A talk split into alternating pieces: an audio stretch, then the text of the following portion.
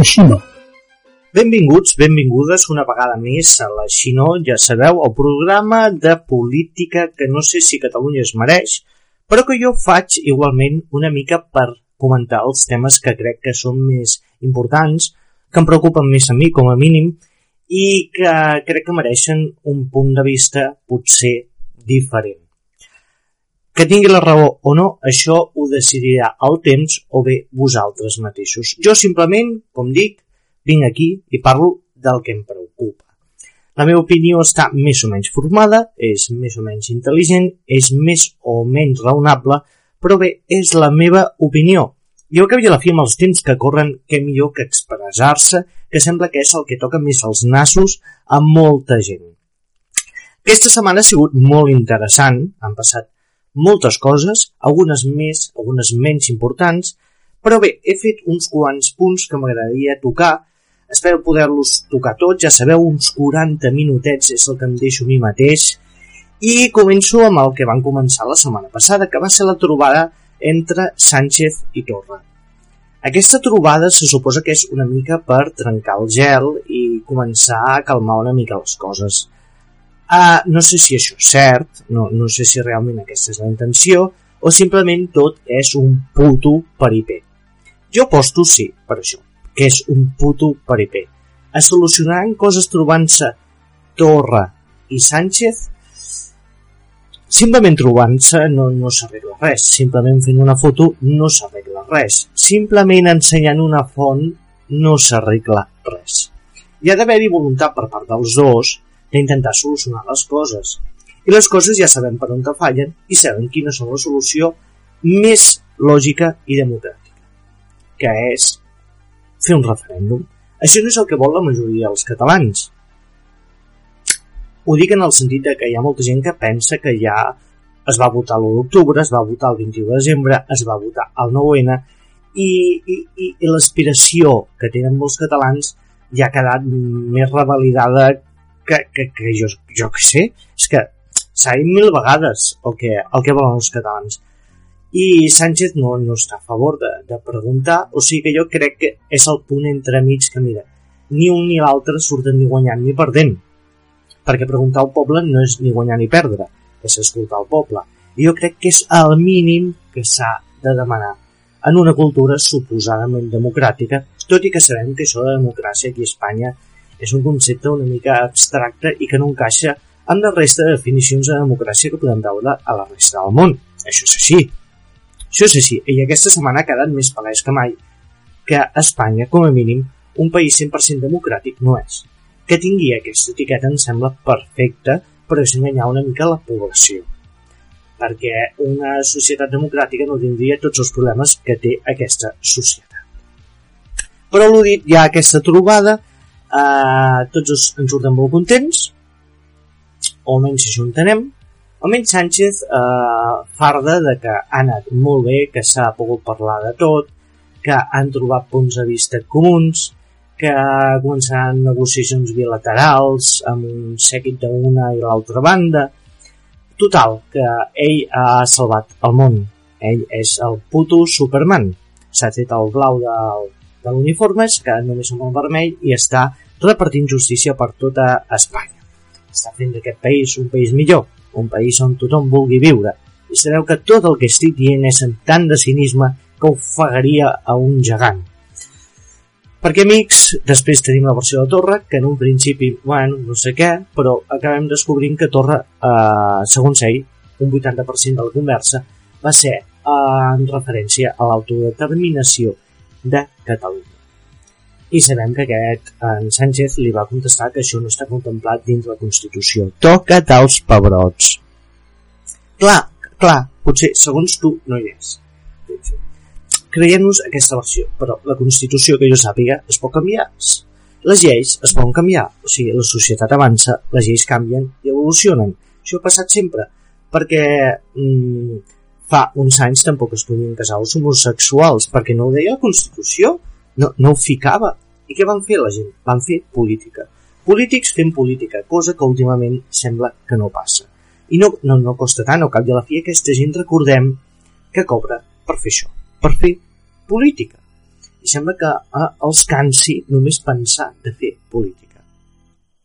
Jo ja us vaig dir que la meva opinió era dir-li a, a Sánchez mira, nosaltres fotrem el camp igual, això s'està veient que és més que possible, doncs, eh, amic, eh, intentem buscar una manera acordada de fer-ho i fer-ho bé.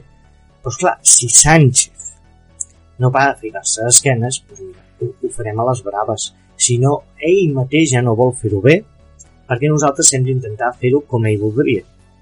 Oi que no té sentit? Doncs sudant, sudant i tirant pel dret. Ah, una cosa que molta gent va destacar és que va portar una botella de ratafia a Sánchez. Per què malgastes una botella de ratafia amb el que ens agrada la ratafia? No cal que li portis. Aquest senyor ja té calés per comprar-se una botella de ratafia. No cal que li vagis a portar. Si realment li interessen els licors, que vingui aquí, a la fila ratafia, la Besalú, per exemple, i que n'aprengui com es fa i tal, no li porta regals. Ella porta regals quan ve aquí. Què et porta? Una flamenca per ficar damunt de la tele, que ara són planes i segurament cauria. No sé. Uh, jo trobo que és massa peripé i crec que hauríem de fer més uh, un nostre per nosaltres. Sí, com que d'Espanya no en traiem absolutament res des de fa segles, doncs, tant per tant, anem fent el nostre i deixem-nos a perdre el temps. Si realment vol algú, que vingui ell.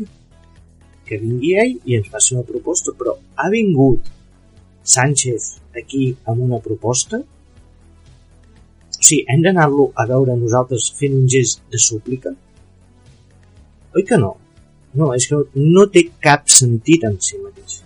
O sigui que em sembla perfecte que dos polítics es trobin, intentin trobar punts en comú, però si ja veiem que una de les parts eh, diu que no, no, no, no, no, no, no, no, no, no, no, no doncs, mm, amics, sudem una mica de, del tema. No?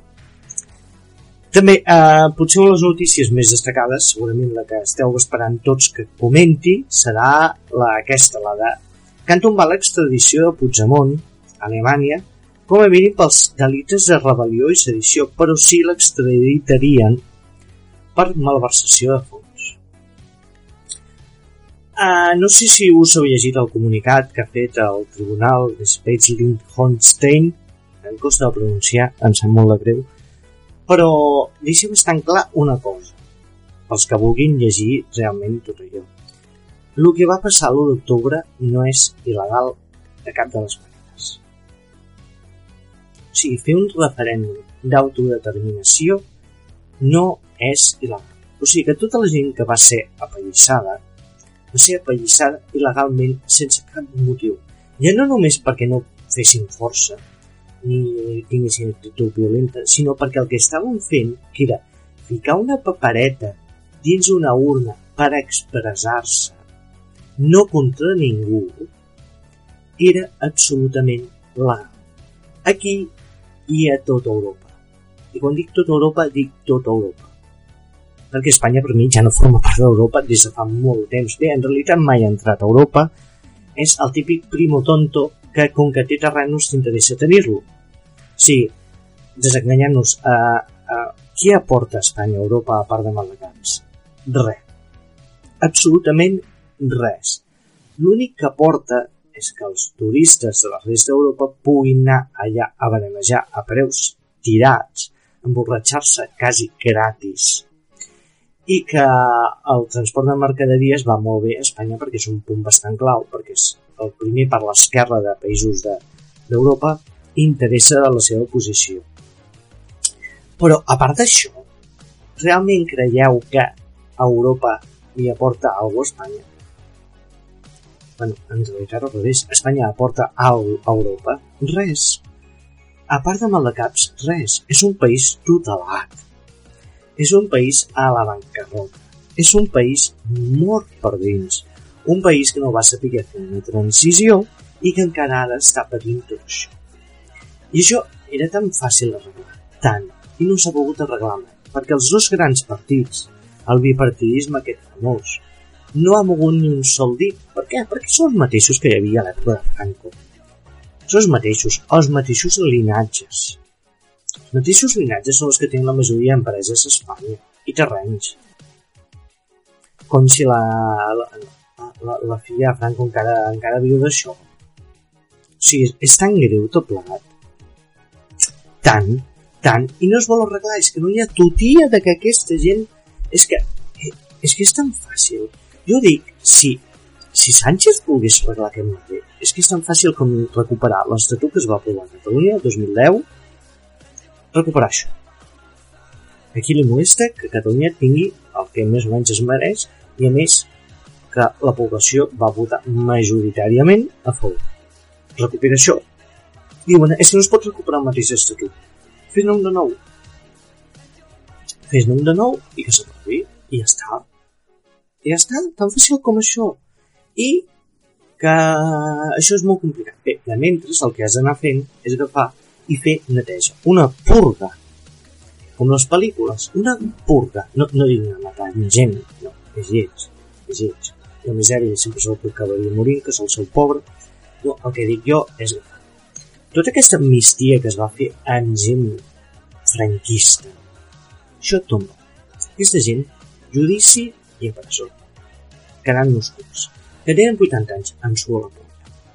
Tal qual. Tal qual t'ho dic, sigui, aquesta gent va ser còmplice o assassina d'una dictadura que va matar milers de persones. Recordem. És que els comunistes també van matar persones i els republicans. No, a, a comparar això és ser una mica encara l'expressió que volia dir és, és, és ser un desgraciat és ser un desgraciat perquè recordem que Espanya més o menys vivia feliç i contenta amb la república fins que va venir un fill de puta de Franco i va crear, sí, ell sí, un cop d'estat perquè va utilitzar la violència per revertir l'ordre institucional establert. O sigui que això sí que és un cop d'estat. I ja en el poder, havent guanyat la guerra, va seguir matant, torturant i oprimint a gent. Sigui que, amics, bueno, amics, per dir-vos d'alguna manera, que penseu així, teniu un problema molt greu. Alguna tara mental bastant important es, es, esteu perduts en un mar de, de, de dubtes perquè si no, no, no m'ho explico com podeu pensar així. Uh, com dic, uh, Alemanya sembla que ha donat la raó, per cert, segueixen les obres al pis de dalt, amb el micro la mà aniré a tancar la porta perquè a veure si fa menys de, de soroll tot plegat. Espero que hagin anat a una altra habitació a picar els veïns a dalt, perquè amics, les obres són oi, la pitjor pena que pot suportar un ésser humà.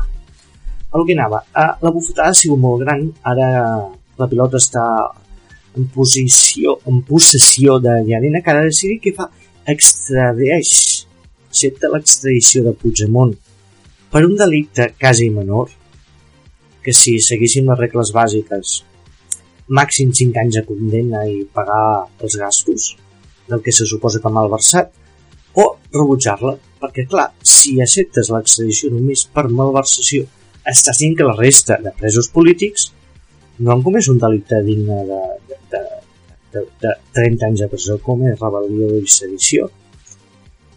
Doncs clar, també sabem com funciona Espanya. Espanya funciona de, de la manera que a cadascú el jutjo com, com surt de la, de la fava, m'invento càrrecs, eh, falsejo proves, i ningú pot dir res perquè sóc la màxima autoritat i Sánchez callat com un puta.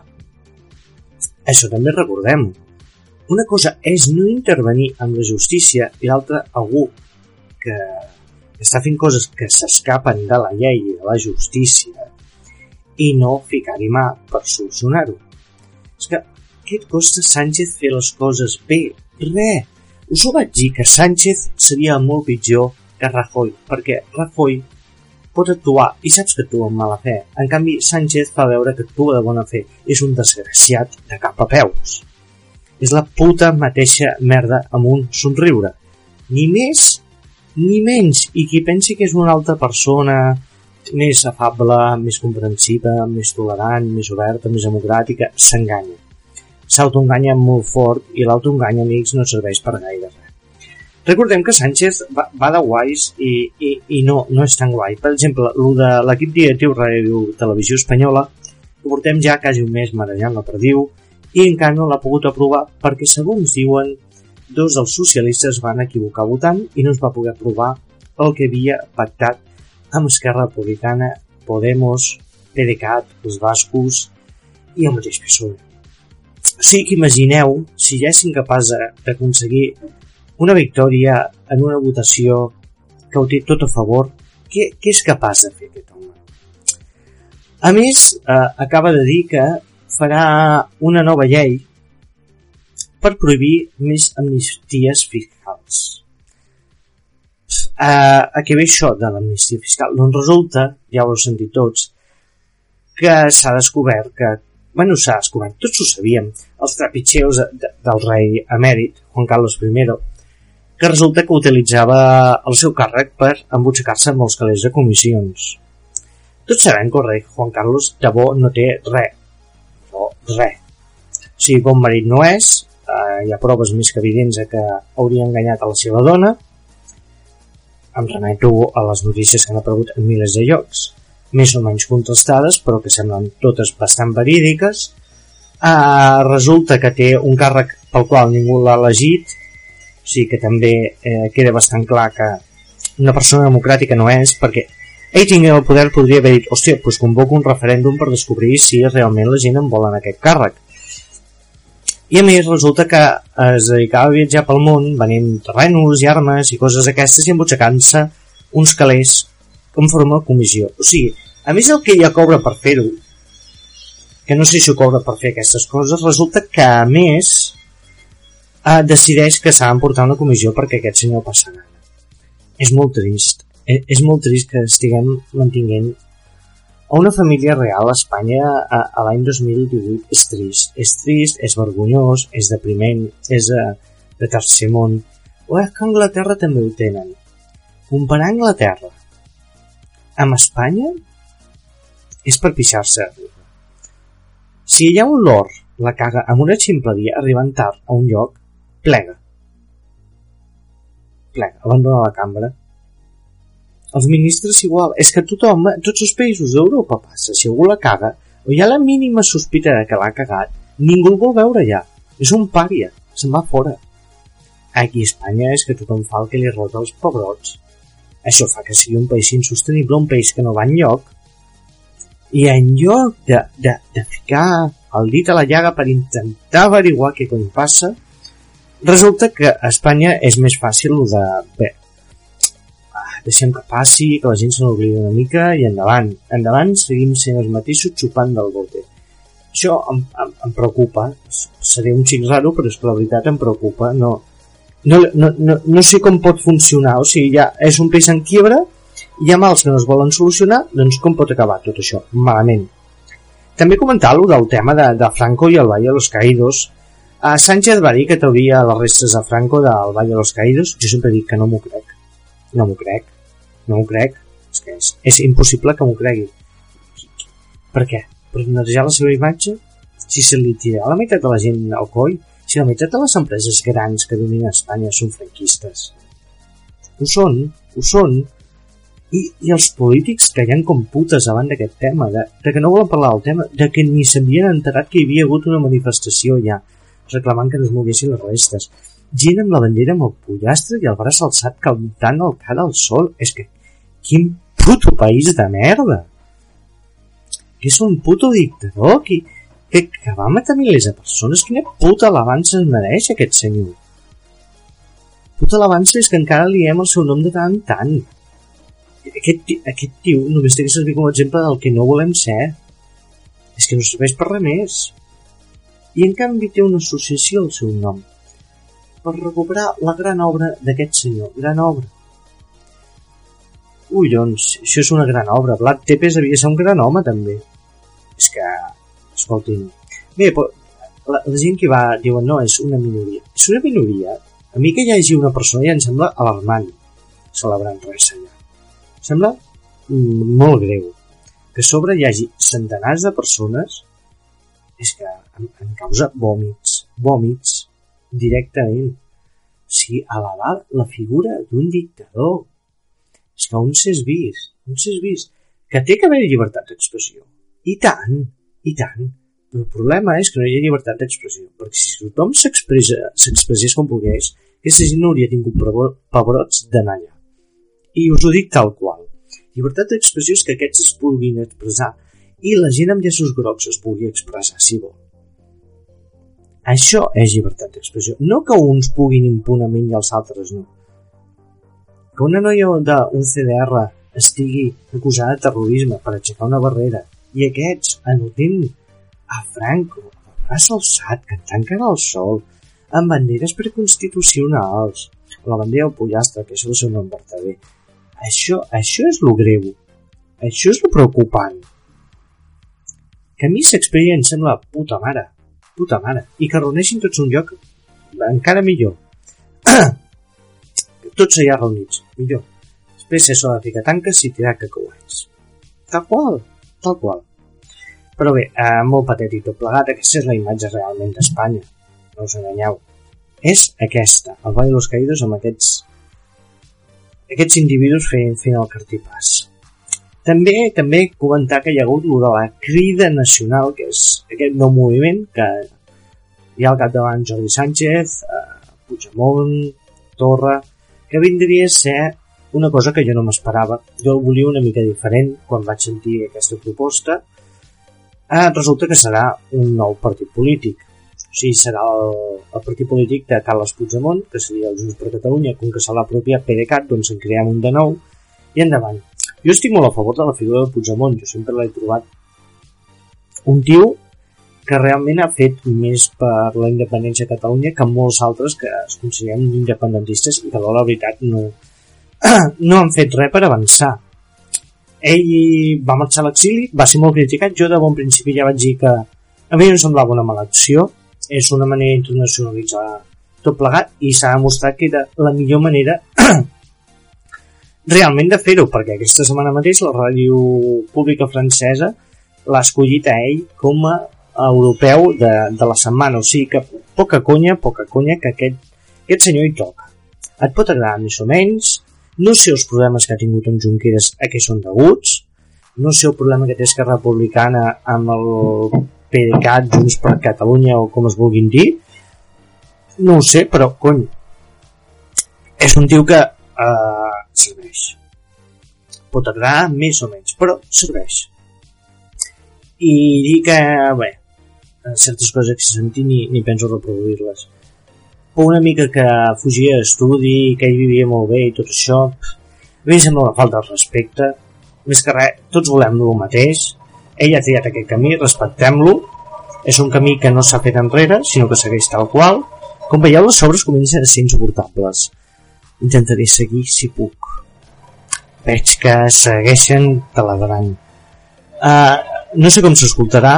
Però em sap greu, és que si no gravava ja ara no, no veia quan podia gravar i aquesta gent sembla que no vol parar de, de fer soroll durant uns quants dies. I clar, no estaré eh, sense fer el programa tants i tants dies. Total, que a mi no m'agrada perquè jo esperava que fos un, un punt de trobada un, com el moviment escocès eh, que era de, de juntar les diferents forces sota unes soles cicles per tirar endavant i, i fer política amb un camí marcat que poden existir altres partits. Perquè jo diré ben clar a mi que existeixi Esquerra Republicana que existeixi la Crida Nacional i que existeixi la CUP és que em sembla lògic, perquè tots se suposa que tenen un objectiu comú, cadascú fa les seves aportacions. I tot el que sigui aportacions diferents però per arribar al mateix punt, sembla puta mare. A mi el que molesta és quan algunes formacions decideixen una mica anar-se'n per les branques, tirar enrere, eh, postergar-ho tot, una mica creuar-se a braços i fer brindis a l'aire, no sé això molesta. A mi tot el que sigui intentar avançar d'alguna manera em sembla bé. Que el PDeCAT també segur que, que moltes vegades s'ha callat la boca, s'ha tirat una mica enrere. A vegades també ha tirat més al carro, o sigui que més o menys compensa, la CUP és l'única que s'ha mantingut en el seu lloc, ni més ni menys. També ha tingut les seves cagadetes, crec que menors, però sempre ha sigut allà mateix. Total, que aquesta crida nacional no, no sé què, no m'agrada de, de, de bon principi, falta veure què, què intentarà ser realment, a qui engloba, eh, com funciona, quin encaix tindrà tant amb el PDeCAT com amb la plataforma moguda per en Grau Pere, això em sembla molt interessant per intentar esbrinar quin és realment el seu posicionament i res, una mica de paciència i, i esperar a veure com, com funciona. També, tema de manifestació pensionistes bascos que segueixen manifestant-se. A veure, què, què passa? I no ho dic per ells, eh? ho dic per Pedro Sánchez. Pedro Sánchez que pacta la pujada de, de les pensions entre els jubilats, però aquesta gent es queixa, i es queixa amb molta raó perquè ho van explicar molt bé, el que puja al nivell de vida i el que ells li pugen la pensió. I és absolutament contradictori una cosa amb l'altra. O sigui, no, el que puja la, la pensió és una puta merda amb el que realment puja el preu. I això és preocupant perquè Sánchez es vantava d'això d'aconseguir un gran pacte, però la veritat hem vist que res, res de res de res. No, no és el que ens havien promès ni de bon lluny. Uh, tot i això, uh, espero que sí, que es millori el tema pensions, tot i que sé que és impossible, perquè, com sabeu, Espanya està en bancarrota absoluta. Bancarrota absoluta monetària, institucional i en tots els aspectes que vulgueu buscar, fins i tot la selecció espanyola que segueix sent el que era abans aquell miratge que va ser quan bona part del Barça van a, a omplir els dorsals.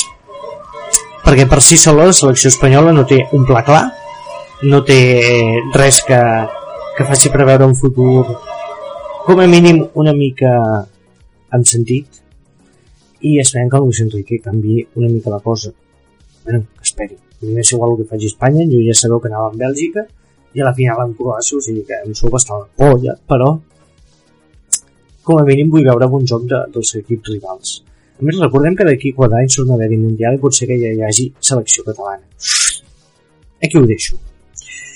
I el soterrament de l'AVE a Múrcia, cosa que m'alegro, eh, molts dies de lluita de, dels murcians plantant cara, demanar aquest soterrament, finalment ha sigut així, m'alegro moltíssim per ells, és una cosa que es mereixien després de tant lluitar. Us dic una cosa, si fossin catalans no hi hauria soterrament, també us ho dic així de clar. I això, que, que enhorabona, us ho mereixeu i, i endavant eh, amb totes les vostres lluites democràtiques i que tinguin un sentit pel bé i cap a on més salto? Salto cap a Borrell, que va anar a Bèlgica a parlar amb la Fiscalia de Bèlgica per dir-los que, bueno, que, que ajudin una mica, no? Que, que Espanya, joder, necessita un cop de mà, no? O sigui, li han dit de tot els belgues, des d'Espanya per ara demanen ajuda. I va sortir un ministre de Justícia de, de Bèlgica dient-li que, que, que, que qui cony fot barrejant política amb això. I és cert, la Fiscalia, que ja la fi està escollida per els, els governs, perquè és uh, l'advocat de l'Estat és la Fiscalia. Doncs pues clar, això t'han d'anar dins un país estranger a, a demanar-los que, que el que han de fer la Fiscalia és que mm, és molt lleig, és molt lleig i te'n tornes a emportar una hòstia, una trompada molt grossa fent el ridícul Borrell eh, es dedicarà a fer el ridícul per tota Europa, tant com li deixin, que cada vegada, ja us ho dic jo, li deixaran menys. És més, també hi ha una cosa que no em vull oblidar de comentar. Tothom està dient que aquesta setmana pot ser que hi hagi una altra notícia important que descobrirem. No sé quina serà, uh, ganes de descobrir-la, a, a veure què és. Jo de moment no tinc pistes, no sé per on tirar el tema, o sigui que paciència també i intentar esbrinar ben aviat cap a on van els tiros que això em porta també una reflexió de una cosa que s'ha publicat que és un article en Joan Canadell un senyor que segueixo per Twitter des de fa bastant de temps toca bastant la pilota i i ha escrit un article dient de que això de que a finals d'any sembla que Catalunya podria ser independent per diferents factors que curiosament tots els factors que hi surten són els mateixos que jo ja he comentat mil vegades de la bancarrota d'Espanya, de, que Catalunya podria comprar-li el deute eh, i que bé mm, el PSOE l'únic pel qual pot servir és una mica per aplanar el terreny de cares a aquesta autonomia bueno, autonomia no, uh, independència de Catalunya. Per què? Per què? Per què? Per què? Jo tinc la teoria de que el PSOE servirà simplement per això, per mm, crear la manera de que Catalunya pugui marxar i que després serà el PP, perquè hi haurà canvi de govern dintre de no gaire, no gaire, vull dir un any o dos, a tornar a governar el PP amb l'ajuda de Ciutadans. Puta! Sobresa. Amb l'ajuda de Ciutadans i com que la llei ja estarà escrita no podran fer res, s'hauran de conformar amb la independència. Us recomano que llegiu l'article, si busqueu Joan Canadell tota la seva pàgina web on penja tots els articles, ja us dic la mar d'interessants, i que recomano moltíssim, o sigui que ja esteu perdent el temps si no hi esteu anant. Un altre tema, com ja he comentat, és el de la monarquia, del rei Joan Carles en Corina, que el, el, el policia Villarejo, el comissari, ha destapat aquesta gravació on Corina diu realment tota la merda que s'amaga darrere la figura del rei, des de que li va entregar papers al CNI per si ell li passava res, de que l'utilitzava ella per blanquejar diners, tot el que s'espera d'un rei a l'actualitat, o sigui, que sigui un, un vividor i que es dediqui a estafar la gent, perquè altra cosa no pot fer un rei uh, actualment, i menys aquí a Espanya, que ja coneixem tots com són. I hi ha una cosa que vaig comentar-li a l'Ignasi fa un temps, una setmana, que era el tema guerra civil. Jo crec que pot haver una guerra civil, sí. Sí, però no com us penseu. Jo no crec que la guerra civil sigui entre espanyols i catalans. Jo crec que està coent-se una guerra entre dretes i esquerres, per dir-ho d'alguna manera, a Espanya. Us dic, últimament s'està polaritzant molt la manera d'entendre la política. O sigui, tots dos partits, PSOE i PP, han rebut aliats, que serien Podemos i Ciutadans, que divideixen a parts iguals encara la societat. I sí, dic a parts iguals perquè crec que és bastant empatat una cosa amb l'altra, dins el que seria el cercle dur d'Espanya. Hi ha gent que està a favor d'exeure el cadàver de Franco del Vall dels Caídos, hi ha gent que no. Hi ha gent que està a favor de la monarquia, hi ha gent que no. Hi ha gent a favor de donar la independència a Catalunya, hi ha gent que no. Hi ha gent que està a favor dels presos polítics, hi ha gent que no. Sí, s'està dividint entre sí o no Espanya, cosa que no havia passat perquè fins ara l'excusa de la unitat per Espanya ho tapava tot. Però ara s'estan adonant que aquesta Espanya o és d'un o és a l'altre. Els dos alhora no pot ser. Perquè en 40 anys s'ha intentat i s'ha vist que l'únic que fa és mm, confondre la gent. Espanya no se sap què és ni què vol ser. Això ha passat amb totes les guerres civils. Quan hi ha dos factors molt contraposats, amb una visió molt diferent de com ha de ser Espanya. Fins ara ens venien que Espanya ha de ser unida per ser una democràcia i ser un país competitiu dins Europa i reconegut dins el món. Ara no, ara el problema és intern, és realment som el que som? És el que volem ser? El que ens diuen que som és el que som? S'està creant un cau de cultiu, a més de que cada vegada hi ha més violència als carrers, violència als carrers, no, no, no vull semblar a ells, eh, els espanyols, vull dir, cada vegada hi ha més agressions feixistes, homòfogues, sexistes, racistes, etc etc etc i cada vegada tenen més visibilitat. I està quedant clar que les forces de l'ordre mm, molt, molt no ajuden a calmar les coses, sinó que es posicionen molt clarament, al igual que certs partits o factors polítics.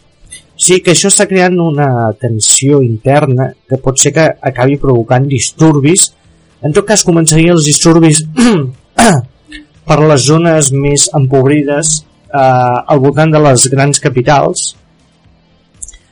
Eh, serien lluites campals en un principi.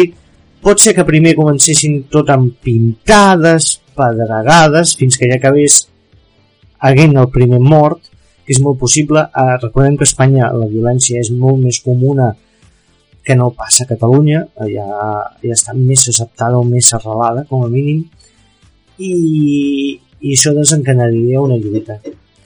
Uh, recordem que el Regne d'Espanya mm, per tempos sembla que és el moment de baixada alarmant. Uh, això segons, si no recordo malament, de l'Ofeu que ja ho apuntava, que la baixada del Regne d'Espanya seria alhora la pujada del Regne de Catalunya.